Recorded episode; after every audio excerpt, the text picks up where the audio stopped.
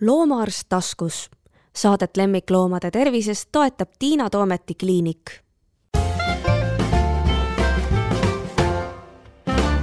tere, sügis on nüüd ikka täiega pärale jõudnud ja teie kuulate podcasti Loomaarst taskus. mina olen Tiina Toomet, minu vastas istub Hedi Peetsu.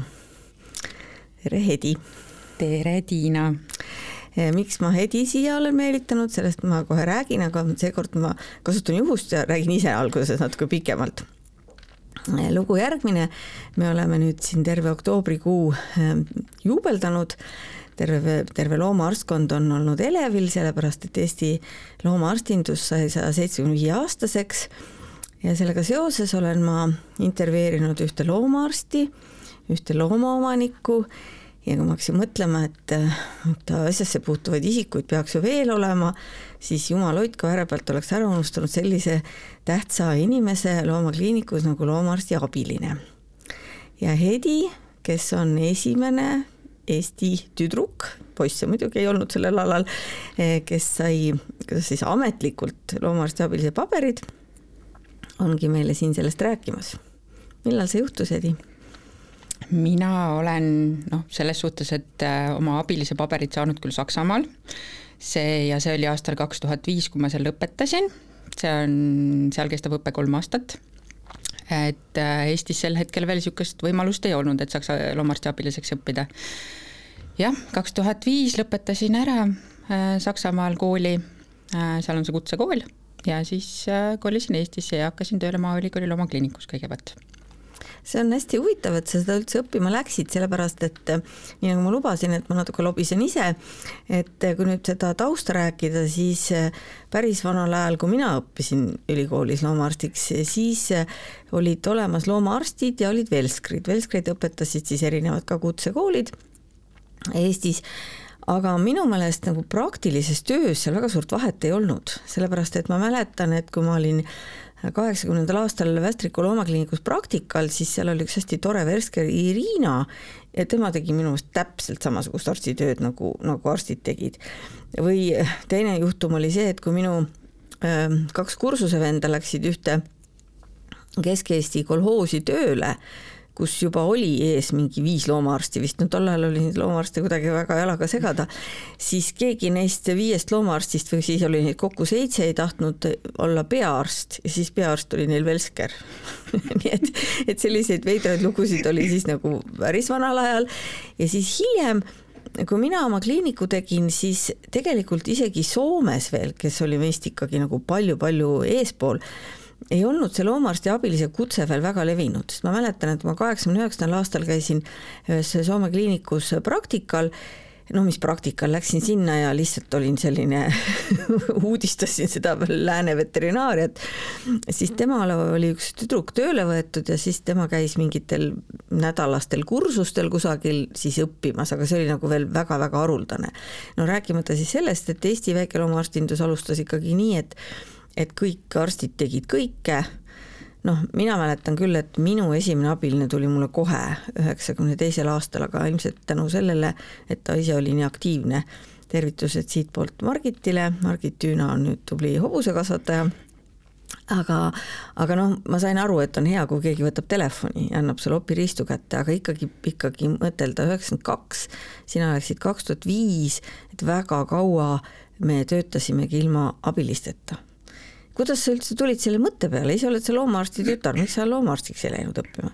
Läksin. ah soo. Ma lausa peale keskkooli lõppu poolteist aastat pidasin veterinaarmeditsiinis vastu, aga siis tulid muud elukorraldused natukene ette ja, ja kolisin oma eluga Saksamaale.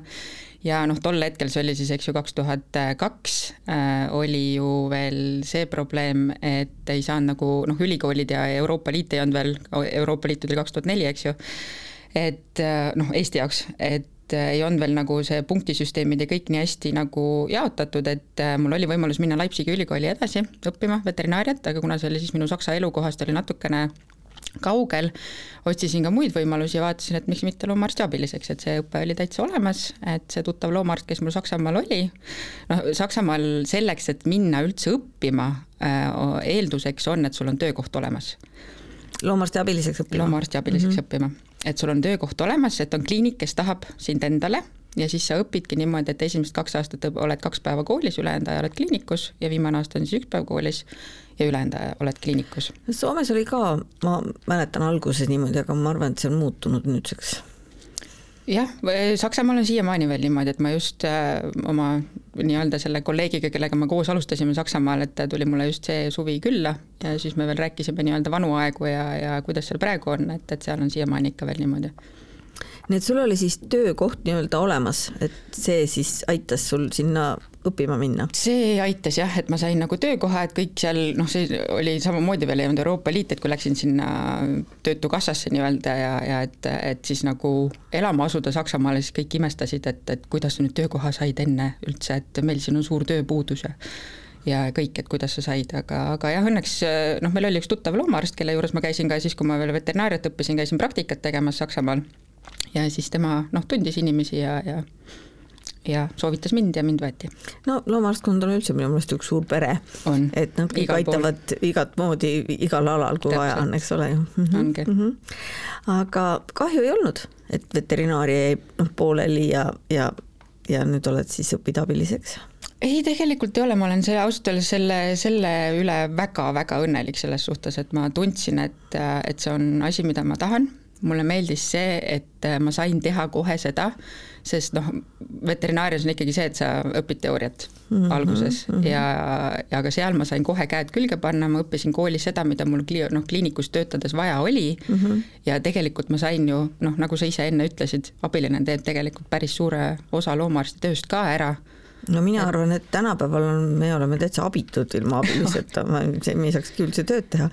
see on selles mõttes huvitav, noh, kui mõelda, et on inimesi, kes on õppinud nii seda kui teist, äh, sellepärast et äh, kadunud Ray Butcher, Briti loomaarst ja kunagine Vekava president, kes hästi palju Euroopas seisis selle eest, et abiliste koolitus saaks nagu hoo sisse ka teistes riikides, kus seda ei olnud, sest noh, Inglismaal on see olnud väga tugev mm, pikka aega siis tema käis meile kunagi loengut lugemas ja siis tal oli selline huvitav võrdlus. ja ta ütles, et äh, abiline ja arst on täiesti erinevad isiksused. et, et ja tõi sellise näite, et kui sul on mingi vereproov, mida tuleb loksutada kakskümmend viis korda siis abiline loksutabki kakskümmend viis korda, aga arst teeb tšikk-tšikk-tšikk paar korda ja juba tal on nagu järgmine asi, noh, tal on vaja elu päästa, eks ole, ja sinna see jääb.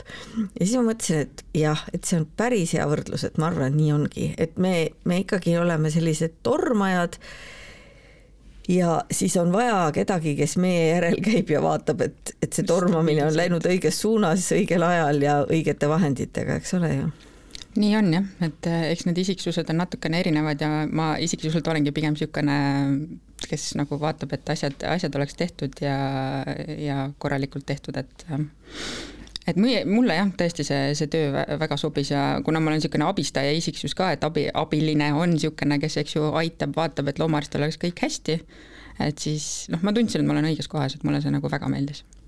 kas seal Saksa koolis sai praktikat ka piisavalt või oli ta suht teoreetiline ja praktika pidi siis toimuma sul nagu seal töökohas? Äh, oligi, praktika oli töökohas mm, -hmm, et teo-, mhm. teooria oli koolis, et äh, kool nagu mingit praktikat ei pakkunud, et oligi noh, oligi praktika oli kaetud siis, kaetud siis põhimõtteliselt mm -hmm. selle töökohaga. sest noh, ma olen nüüd ka juba, issand, juba kümme aastat on käist saanud, õpetanud abilisi Säreveres mm, -hmm. Särevere kutsehariduskeskus, see on tegelikult Järvamaa kutsehariduskeskus asukohaga Säreveres ja, ja noh, e-, eks meile on ka seda ette heidetud ja me ise ka natuke muretseme, et, et see kool on ka nagu suhteliselt teoreetiline noh, sest tõesti seal võib-olla suurlooma poole pealt on natuke lihtsam, kuna neil on oma tall ja laut ja kõik, et seal mm -hmm. saab nagu seda praktikat ka anda, aga väikelooma praktika peavad nad ka saama tegelikult ikkagi nagu praktikal olles. ja see on muidugi jälle kliinikule natukene nagu koormav, no ma saan aru, kui sa annad praktikat sellele inimesele, kes sulle niikuinii tööle yeah. tuleb -hmm. aga noh, praegu on seal ju ka süsteem selline, et et, et on ka tulnud õppima inimesi, kelle töökohta ei ole, kes alles pärast lõpetamist tahavad mm -hmm. kuhugi tööle minna. ja see on jah, natukene selline kahe otsaga asi, aga, aga noh, see ei ole praegu see teema, mida me peaksime arutama. mind huvitab hoopis see, et kui sa tulid siis Maaülikooli kliinikusse siis oli see kõik nagu lihtne ja tuttav või sest mulle on kogu aeg tundunud, et meie õpime nagu seda nagu sellist ähm, ingliskeelset või noh, nagu sellist Briti ja, ja Ameerika veterinaariat, mis tegelikult natuke erineb nagu saksa lähenemisest, aga võib-olla ma eksin, võib-olla mul on lihtsalt vananenud nagu ettekujutus. kaks tuhat viis, kui mina tulin Maaülikooli loomakliinikusse tööle, see oli septembrikuus, siis oli just uus loomakliiniku hoone valmis saanud. ja oligi tegelikult selles suhtes äh, päris müstiline, et seal töötas ainult üks abiline, kes on kunagi, sinna oli hanke korras tellitud kõik need seadmed, mida Euroopas juba kasutati aga Eestis ei teadnud mitte keegi, kuidas neid kasutada. aga mina olin nende kõigiga Saksamaal juba töötanud, et meil oli õnneks, ma töötasin niisuguses kliinikus, kus oli olemas nii ultraheli, endoskoopia, hambapuurid, riistad, et meil oli nagu erinevad arstid, kes olid spetsialiseerunud erinevatele aladele ja mina olin nende seadmetega kokku puutunud. ja siis äh, kujuneski kuidagi niimoodi, et, et mina oskasin teha kõike ja siis äh, olin, aitasin välja õpetada siis ka järgmised, kes tulid, et äh, sinnamaani oli tudengabilised, eks ju, ja oli nii-öelda see põhiabiline Marge Pärn äh,, kes, kes seal kõike tegid, aga jah, et, et oli, oli minust selles suhtes ilmselt päris palju abi, et me saime kõik need seadmed tööle, et ei olnud seda hirmu neid kasutada mm -hmm. ja saigi nagu siis äh, elu edasi liikuda nii-öelda, et, äh, et seal oli mul, oli tööd, ütleme nii. aga kui ruttu siis hakkas neid riburada, neid uusi abilisi sinna sulle, sulle õpilaseks tulema? või keda sa välja õpetasid? no meil olid, äh, olidki tegelikult tudengabilised, kes olid seal tööl, kes tegid arstidega koos öövalveid ja nad olid noh, nemad, kes tulevad juba, eks ju, tudengina, abilisena tööle, noh, nad on ikkagi isiksusena juba sellised, kes tahavad õppida. kes tahavad ja, ja. teha, kes on nagu motiveeritud mm. õppima, et, äh, et sellest oli ikka päris mm. palju, päris palju abi. sellega on alati see häda, ma tean, mul on öelnud inimesed, kes töötavadki just tavaliselt nagu ülikoolide juures, kus hästi usinad tudengabilised töötavad, et noh, nad on ju ainult lühikest aega, sest siis saavad nendest arstid ja siis nad lähevad ära ja siis tuleb jälle nullist alustada. et mingil hetkel ju hakati siis ka rohkem, sest no praegu on ju ka neid statsionaarseid abilisi ju päris palju ülikoolis, et siis mingil hetkel hakati siis, loodi need töökohad ja võeti nad siis ikkagi tööle. praegu on seal ikka ju ma ei tea, kas kümmekond või, või no ikka, ikka on. kolmekümne abilise. oi Jeesus, ma olen, ma olen ikka ajast nii maas et seal on, kuna on sul ikkagi päeva peal on need, kes peavad jälgima, kes ärkavad operatsioonist, et on eraldi inimesed, kes seda teevad, on need, kes hoolitsevad statsionaariloomade eest, sest nendega tuleb väljas käia, jalutada, toita, ravimid anda et, et lihtsalt üks abiline ei, ei jõua seda kõike teha, et isegi kui sa oled üks abiline, igal arstil on, eks ju, üks abiline, kes on seal päeval, käib kaasas, aga, aga ikkagi on, on abi nagu veel vaja, noh, nii suures kliinikus, kui mm -hmm. Maaülikooli loomakliinik. et teistes, teistes kliinikutes, kus ei ole seda statsionaari mm, -hmm. seal nagunii seda ei ole vaja. aga ei, hakkas vaikselt tulema abilisi juurde ka, noh ma ise läksin muidugi Maaülikooli loomakliinikust töölt ära kaks tuhat seitse teisele töökohale, aga, aga ma olin ikkagi Maaülikooliga seotud, et ma vahepeal käisin seal vahetusi tegemas ja kõike, aga aga vaikselt, vaikselt tuli neid juurde, kes on nüüd praegu ikkagi juba olnud, et Vaike ja Eda Leola ja kes seal niisugused põhiabilised on pikemat, pikemat aega juba, aga jah, et ega, ega need tudengabilised on ikkagi kah osa sellest kogu aeg olnud ja, ja. jäävad. no ma arvan, et Särevere alustaski kuskil kaks tuhat kolmteist jah, või kaksteist isegi äkki. kaks tuhat kolmteist alustas õpet. jah, õige, kolmteist on sul õigus jah, jah, sest ma tean, et ma olin kaksteist, neli, kaks tuhat neliteist olin pikalt ära ja pidin oma tunnid ära kellelegi andma, et ma olin enne seda jõudnud ühe aasta õpetada juba mm. ja, ja kaks tuhat kolmteist, nii et ka kümme aastat. kümme aastat. ka jälle väike juubel. kakssada üheksa inimest on lõpetanud juba selle mm -hmm. eriala. huvitav, et oleks pidanud mingit statistikat vaatama, et kui palju töötab omal alal meil on plaanis äh, assistentide ühinguga seda statistikat teha mm, -hmm. aga noh, ma ise enda peas arvutasin kokku, et kui meil on Eestis kuskil nelisada töötavat loomaarsti mm -hmm. keskmiselt, et noh, korrutame selle arvu kahega sest ikkagi kliinikus ei ole ju ainult abiline, sul ongi nagu suuremates kliinikutes on statsionaariabilised, on registraatorid mm, -hmm. kes ju tegelikult on ka, peavad mingil määral olema mm -hmm. abilise taustaga, et siis põhimõtteliselt jah, keskmiselt ühe loomaarsti kohta kaks abilist ilmselt Eestis on, et jah, jah. et, et umbes nii, niimoodi on, et noh, kõik ei ole ka ju lõpetanud, eks ju, et mm, -hmm. et palju on neid, kes on lihtsalt tänavalt tulnud ja, ja kes teevad seda tööd meil on selle nimetusega ka nii, nagu ta on, et me oleme harjunud ütlema abiline, ehk siis see kõlab minule meeldib see sõna abiline tegelikult, sest tegelikult ongi, ta aitab On meid, eks ole, aitaja oleks võib-olla veider. aga siis on assistent, noh, mida kasutatakse ja vist ühing on ka veterinaarassistentide ühing., Eesti Veterinaarassistentide Ühing, no see tuleb natukene nagu välismaalt ka, et selles suhtes, et Saksamaal ka oli samamoodi, kui mina õppisin, ma olin loomaarsti abiline nagu saksa Mhm. keelest üm- ümber tõlkida. mis see on Nüüd siis mingi vahetati- kuidas see on, Hilfe, Tierhelferin. Ahah, okei okay,, Tierest Helferin, okei okay,, ja, ja mm. -hmm. aga nüüd nad muutsid ka ära, et on veterinaartehniline assistent. see on väga pikk ja lohisev. on, et see abiline, noh eesti keeles ongi abiline lihtsam öelda, et, et aga tehnik oleks ju eesti keeles täitsa õudne, nii nagu on- technician öeldakse ju, ju ingliskeelses maailmas Jah. hästi, ka nurse või technician on vist mm, -hmm. eks Mhm. ole, on need kaks varianti.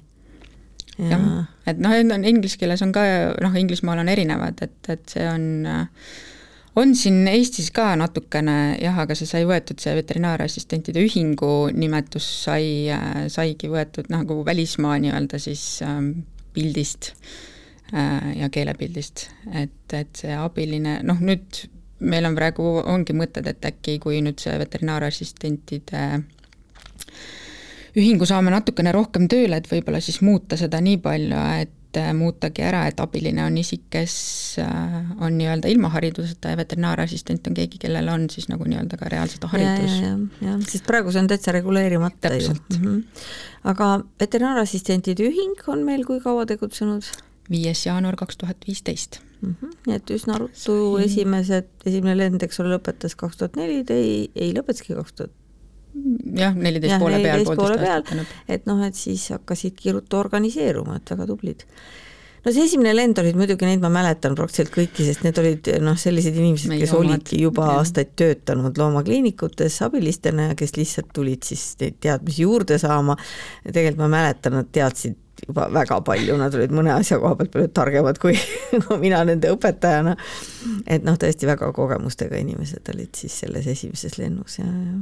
jah, algus, alguses olid jah, need, kes tahtsid siis vaadata, mis see, mis see õpe on, olid need katsetajad.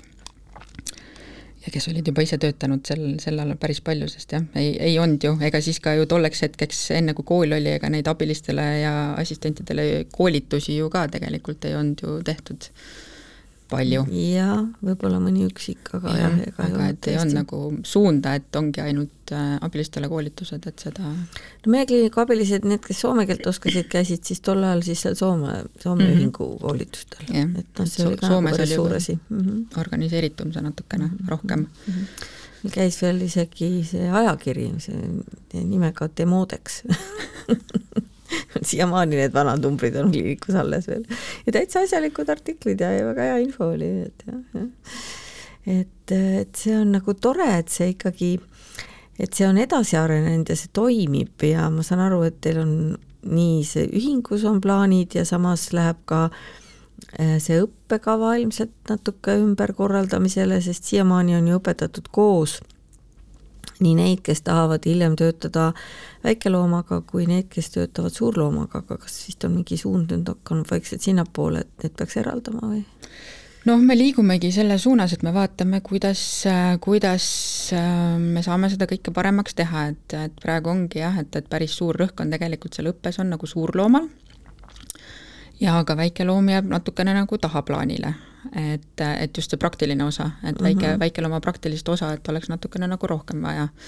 et siis ongi, noh, neil on küll õppekavas on kolmsada tundi praktikat nii suurloomas kui väikeloomas mm, -hmm. aga lihtsalt, kui sa oled äh, päevaõppes, sul on pere ja võib-olla sa käid veel kuskil kõrvalt tööl natukene, siis seda kolmesadat tundi praktikat pooleteise aasta jooksul teha on nagu päris intensiivne et äh, ja eriti, kui sa oled nagu enda südames kindel, et sa tahad teha väikelooma ja siis seal kolmsada tundi kuskil laudas olla, et, et ei ole just motiveeriv. et nagu muuta, muuta võib-olla seda poolt natukene ja siis noh, on ka diskussiooni all, et kas tõsta üldse väikeloom ja suurloom lahku. et tegelikult Maaülikooli loomakliinikus on väikelooma abilistele oleks väga suur võimalus te, nii-öelda tudeng, tudengite kõrval, neil on ju kõik õpperuumid, klassid mm, -hmm. lektorid, kõik on ju olemas tegelikult, et, et ega abiline peab teadma ikkagi päris palju sellest veterinaariast, et mm -hmm. et mida ka loomaarst, et, et oleks seal väga head võimalused tegelikult neid abilisi koolitada, et oleks see tase, tase natukene kõrgem. sest ega praegu abilise, kui abiline on lõpetanud kooli, tema oskused olenevad sellest, palju sellel kolmesaja tunnisel praktikal loomakliinikus, kus ta oli, palju tal lubati seal midagi teha. Jah, ja see on hästi suur probleem. ja sellepärast, et, et noh, ma vaatan enda, enda kliiniku pealt mm, -hmm et väga tahaks neid nagu koolitada, õpetada, aga samas mul on nii suur vastutus oma patsientide ees. Mm, -hmm. et ma ei saa ju inimesele, kes toob oma looma mulle kliinikusse ravile, noh, noh, siis ma peaks talle ütlema, et teate, et mul on täna praktikant majas, et ta nüüd üritab kanüüli panna mm, -hmm. eks ju, mis tähendab seda, et võib-olla on kõik käbad ära torgitud.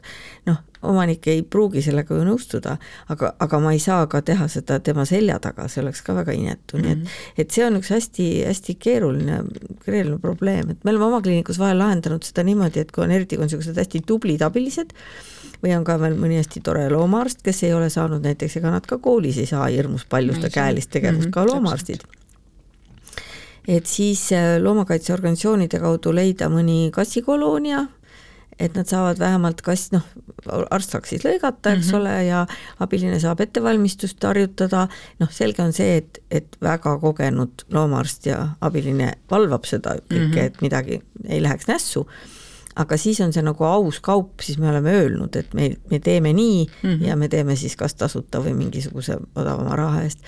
et see võiks äkki olla ka üks variant, sest ega siis neid, ähm, neid loomi, keda ei, ei suudeta noh, kas ravida või, või siis tõesti just need äh, vajalikke sterilisatsiooni ja kastratsioonioperatsioone ära teha, neid on ikkagi ka endiselt palju. et kas mingisugune koostöö kuidagi loomakaitsjatega, varjupaikadega võiks, võiks anda sellist tulemust. jaa, seda kindlasti et, ka, jah. noh, seda enam, et see aasta ju äh, aasta assistendi tiitli sai ju Viljandi varjupaiga jah, abiline Tiia Lepik, just, et kes on, on seal kümme aastat töötanud ja seda kõike hoidnud. just, just, just ja temal on noh, ka juba enda kogemus ilmselt nii tugev, et tema käe all kindlasti saaks keegi seal natukene midagi harjutada, eks ole ju. ja seda kindlasti. ei noh, ongi vaja, et, et see ongi teema, mis on, et otsida neid praktika, praktikakohti, et see on jälle, kus väikelooma äh, abilised tegelikult on natukene nii-öelda halvas seisus, sest suurloomaabiliste praktikat toetab PRIA.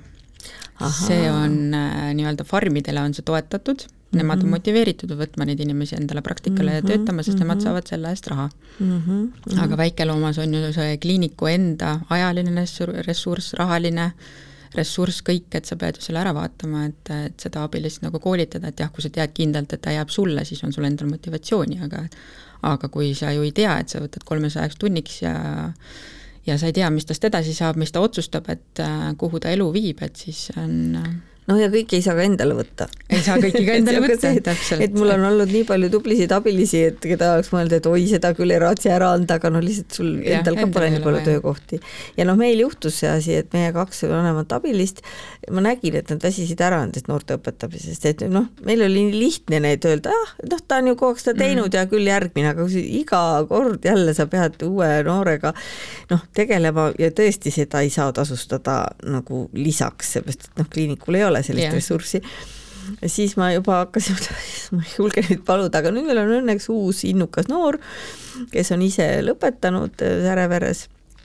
et noh, vaatame, kaua ta jaksab, aga igatahes siiamaani on ta väga tubli olnud meie praktikantide juhendamisel, nii et, et noh, eks ta peab nagu kogu aeg otsima neid võimalusi.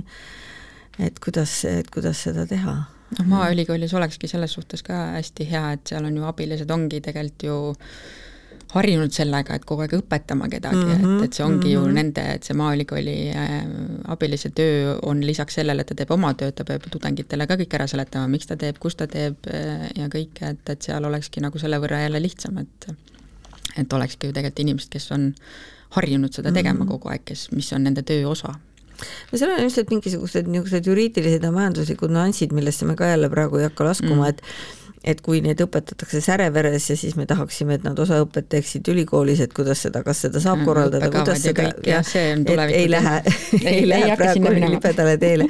räägime hoopis eh, nendest tublidest eh, abilistest, kes siis said nomineeritud sel aastal, et, et Tiia Lepikust oli juba juttu, et tema on siis, et ongi kõik kümme aastat varjupaigas töötanud, jah? jah uh, mhm. -huh. et kümme aastat on tema selle Viljandi varjupaiga kassid-koerad hoidnud hoidnud ja ka, ja nagu ka välja tuli, ka matnud see on väga raske töö. see on väga raske töö. jah, et noh, üks, üks asi on niikuinii, on eks me kõik teame neid emotsioone, mis loomadega mm -hmm. kaasnevad, eks, aga, aga veel varjupaigas veel, veel eriti, et äh, täitsa veel noh, veel kahekordselt tubli tüdruk tegelikult, et on nii kaua vastu pidanud ja nii tubli olnud.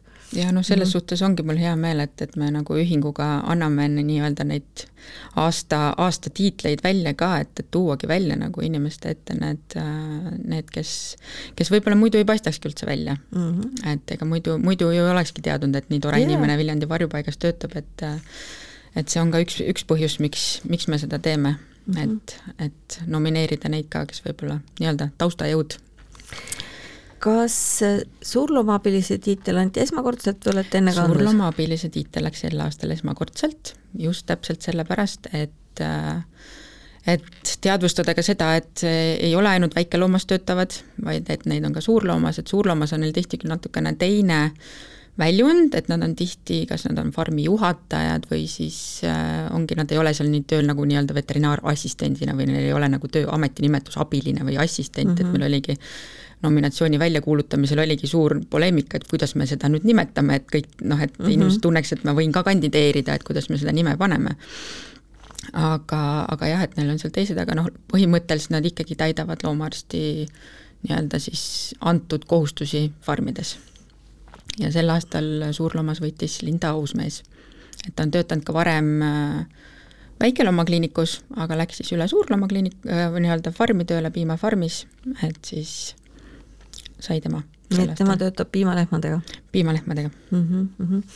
ma saan aru, et teil oli ka hästi palju äh, neid ähm, nii-öelda pakkumisi või, või neid nom nominente. nominente, aga kas oli võrdselt või oli väikelooma siis kõvasti rohkem, no ma arvan, et neid lihtsalt juba füüsiliselt neid inimesi on rohkem, kes väikeloomas töötab vist. jah, meil oli kokku nelikümmend nominenti esitati ja suurloomas oli seitse mm. -hmm. et väikelooma oli ikkagi rohkem, aga noh, seal tulebki jälle natukene, et kuna need suurlooma inimesed on, nad on nii-öelda eraldi natukene, et see veterinaarassistentide ühing, kes meil seal liikmed on, et me kuulutasime seda küll erinevates kanalites, et aga ei pruugi see info jõuda ka kõigini, et mm, -hmm. et suurloomad, väikeloomad on natukene eraldi, et, et või, võis ka tulla sealt. Mm -hmm. aga noh, jah, need, kes kandideerisid, et neil olid tõesti, ülemused olid võtnud selle aja ja kirjutanud pikalt lahti mm, -hmm. miks nad on nii väärtuslikud, nagu nad on mm. -hmm. aga on teil neid suurloomaassistente ka siis seal ühingus või on see meil on nüüd äh, juhatuses on Ketling küll mm, -hmm. kes mhm. töötab ise Gridisos Jahfarmi juhatajana mm. -hmm. et on, on jah, selles suhtes, et uues juhatuses on nüüd meil inimesi ka, kes on suurloomas, et meil on väga hea meel selle üle, et me saame ka nagu seda, seda poolt natukene endale siia juhatuse sisse, et ei ole nii ühekülgne meil see kõik et mhm. saame ka nemad pilti mm -hmm. rohkem, mis on väga oluline, et oleks nagu kõik koos no meie loomaarstidena oleme ausalt öeldes ütlemata tänulikud et, et meil on sellised head haldjad. noh, tõesti, et ma ei kujuta ette juba ikka üle kahekümne aasta, et oleks töötanud ilma, et võib-olla alguses tõesti oli see rohkem selline, et et keegi võtab telefoni ja hoiab koera kinni või, või, või, või noh, aitab verevõtu juures, aga noh, praegu on ikkagi see, see täiesti kujutlematu, see töö ilma ilma abilisteta, nii et, et see on ikkagi nagu väga suur asi ja ja ma olen äh, väga tänulik, et, äh, et sina seda vead ja teised teie selles veterinaararstide või veterinaarassistentide ühingu juhatuses seda asja edasi arendate, et, et nüüd on teist jälle nagu rohkem kuulda, et eks see ka läheb nagu lainetena natukene, et mõnikord on, on selts või see ühisus on aktiivne ja siis jälle ei ole ja nüüd praegu tundub, et teil on jälle see aktiivsusperiood käes, nii et meil jah, on, on värske, värske hingamine on, aga noh, eks, eks see on ka tulnud pilti päris palju ikkagi sellepärast ka, et noh, kuna meil on Eestis loomaarstide puudus, siis tegelikult abiline on ju see, kes saab ka ikkagi loomaarsti natukene aidata, et nad nii kiiresti äh, läbi ei põleks ja, ja et neil oleks nagu rohkem, rohkem tuge, et ega on ju maailmas tehtud uuringud ka, kliinikud, kus töötab üks loomaarst ja kaks assistenti, on kõige efektiivsemad. et ühele loomaarstile kaks assistenti ja, ja kliiniku töö sujub märksa kiiremini ja paremini, et noh, see muidugi eeldab ka, et loomaarst usaldab mm -hmm. abilist piisavalt palju et on ka tihti on ju, on olnud niimoodi, et abiline on tööl küll, aga loomaarst ma teen ise, ma teen ise, ma teen ise ja siis see abiline läheb teise kliinikusse tööle ja siis see loomaarst ütleb, näed, ta ei oskagi mitte midagi, aga talle ei ole varem antud võimalust tegelikult teha, et, et see noh, see on ka tihti ju tegelikult teema, et ega kõik isiksused ei sobi omavahel. et abiline loomaarst, nad peavad omavahel klappima, et see, kui seda klappi ei ole, siis ega see töö ka ei edene et, et seda, seda peab ka nagu vaatama, et ei ole mõtet hambad ristis äh, seda kuskil läbi ajada ja noh, lihtsalt tekivadki kõik muud suhtlusprobleemid ja, ja asjad ja tegelikult kannatab ju patsient, et et seda tuleb ka kindlasti nagu jälgida, et see omavaheline suhtlus ja oleks, oleks hästi korraldatud. no ma arvan, et noorema põlvkonna loomaarstid kõik juba taipavad ka seda, missugune väärtus on hea abiline sest noh, mingi vanematest aegadest ma mäletan tõesti, et, et noh, just see arst, kes tahtis hirmsasti ise teha, eh, ja siis see vaene abiline, kes tegelikult oli korralikult ennast koolitanud ja oleks osanud, siis tal lubati umbes end põrandat pühkida mm. ja loomulikult see ei ole motiveeriv. aga kui ma mõtlen, et kust meil praegu noored loomaarstid tulevad, kui nad näevad Maaülikoolis noh, et mida abilised teevad, et siis ma kujutan ette ka, et et see suhtumine ei saagi enam olla selline, et ma, ma tahan ise teha seal võib vastupidi tekkida see olukord, et kui sa lähed nagu väiksemasse kliinikusse, kus kus sa pead rohkem ise tegema mm, -hmm. siis võid olla näiteks abitu, aga no me ei saa kunagi kõiki olukordi ette näha, et inimesed lihtsalt peavad olema paindlikud ja, ja mulle tundub, et vot see on küll meie erialal üks, üks nagu selline läbiv joon, et tegelikult loomaarstid ja abilised noh, on paindlikud, sest see töö eeldab seda, et sa, et sa pead hästi ruttu ümber orienteerima, kui sul on vaja, et sa, sa pead mingi, mingi asjaga tegelema, jah, plaani, plaani pärast ei ole siin midagi.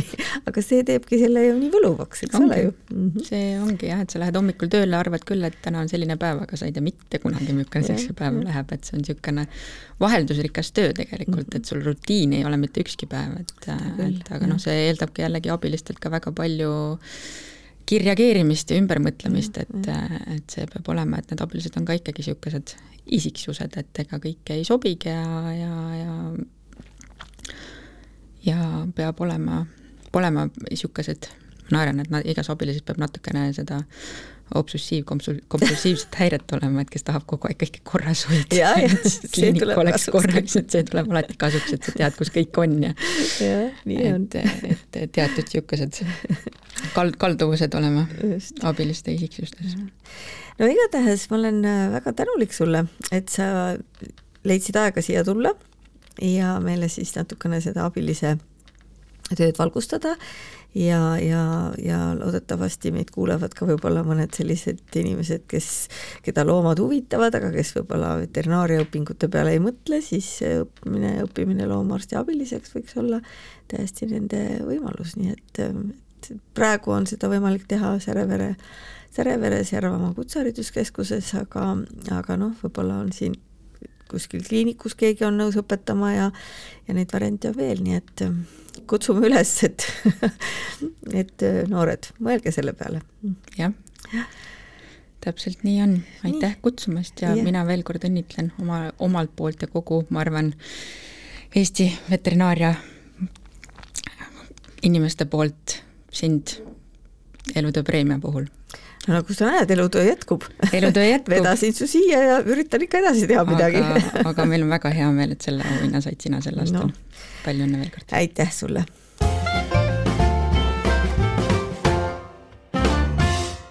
loomaarst taskus. Saadet lemmikloomade tervisest toetab Tiina Toometi kliinik